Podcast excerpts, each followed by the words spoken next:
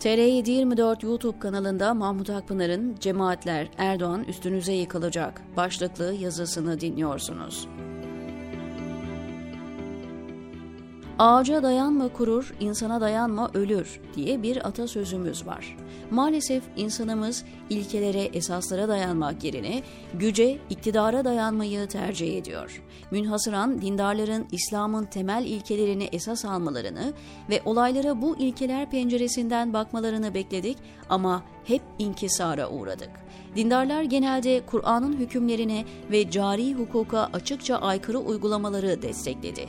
Kendisine dini cemaat denilen yapılar, iktidarın gücünden, imkanlarından istifade edebilmek için zulme, yalana, talana, susmayı tercih etti. Eskiden beri cemaatler, tarikatler, bazı siyasi partilerle angajman içinde olmuştur. Siyaset bilimi literatürüne göre bunları baskı grupları olarak ele almak gerekir tüm örgütlü sosyal gruplar gibi dini gruplar da elbette siyaseti etkileme hakkına sahip. Bir tarikat gibi davranan Kemalistler ne kadar politik yorum hakkına sahipse tarikatlar de o kadar sahiptir seküler kesimler siyasete sadece kendilerinin yön verme hakkının olduğunu, dindarların camiden, dinden başka konularda görüş belirtmemeleri gerektiğini düşünüyor olabilirler. Bu en basitinden Jacoben, üstenci, kibirli bir yaklaşım. Ayrıca bunun demokrasiyle, hukukla, eşit vatandaşlıkla, çoğulculukla bağdaşır tarafı yok.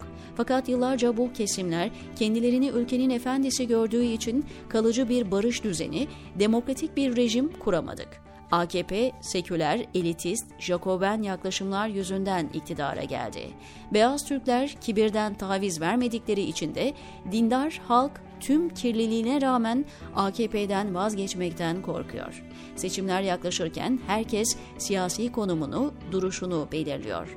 Doğrudan bir siyasi amacı olmayan sosyal gruplar, meslek kuruluşları siyasi görüşünü açıkça belirtmezken bazı cemaatler, tarikatler iktidara destek açıklamaları yaptı.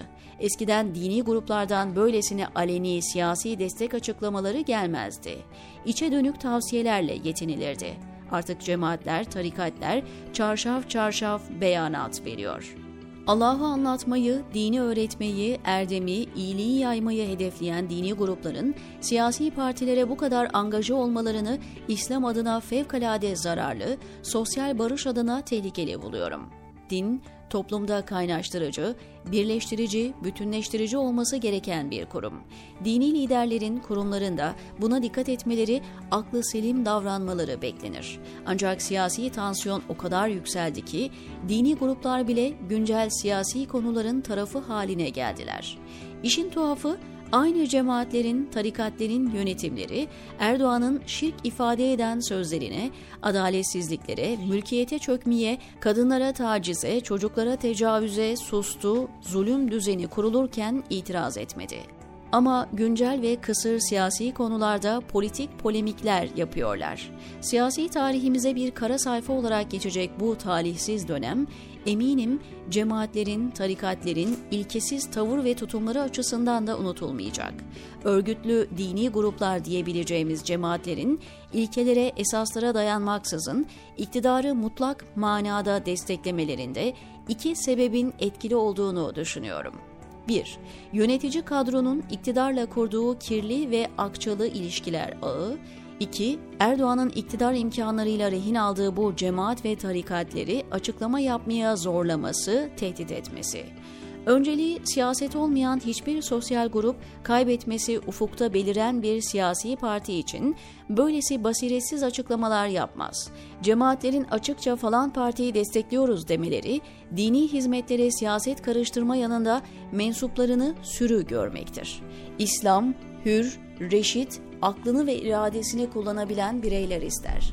Cemaate mensup insanların bireysel siyasi tercihi olur. Kolektif yapının bazı partilere eğilimi olabilir. Ancak toptan biat ifade eden, taraf belirten böylesi açıklamalar kimden gelirse gelsin, İslam'a göre de kendi kararından sorumlu bireylerin iradesine ipotek koymaktır. O parti kaybetse de kazansa da dini grup politize olur. Grubun siyasi kazanımları olsa dahi İslami misyonu, temel değerleri hasar görür.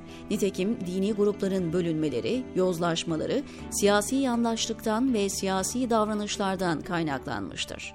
Toplumun her kesimine ve ilkeler bazında hizmet vermesi gereken grupların bu derece politize olması sadece o gruba, cemaate değil, İslam'a zarar vermektedir. Birleştirici, saygın ve apolitik durması gereken dini değerlerin, ahlakın bu derece güncel politikaya alet edilmesi insanların dinden uzaklaşmasına sebep olmaktadır. Ne var ki siyasetten ve şeytandan Allah'a sığınırım diyen, imanı öncelemesi gereken Bediüzzaman'ın talebeleri bile yozlaşmış siyasete destek yarışında. Bu devran değişir, ülke normalleşirse yapılacak ivedi ve önemli işlerden birisi din-siyaset ilişkilerini sağlıklı bir zemine oturtmak, buna dair akademik tartışmalar yapmak, paneller düzenlemek olmalı. Her iktidar döneminde siyasetin oyuncağı, muktedirlerin borazanı olan Diyanetin konumu, durumu mutlaka sorgulanmalı.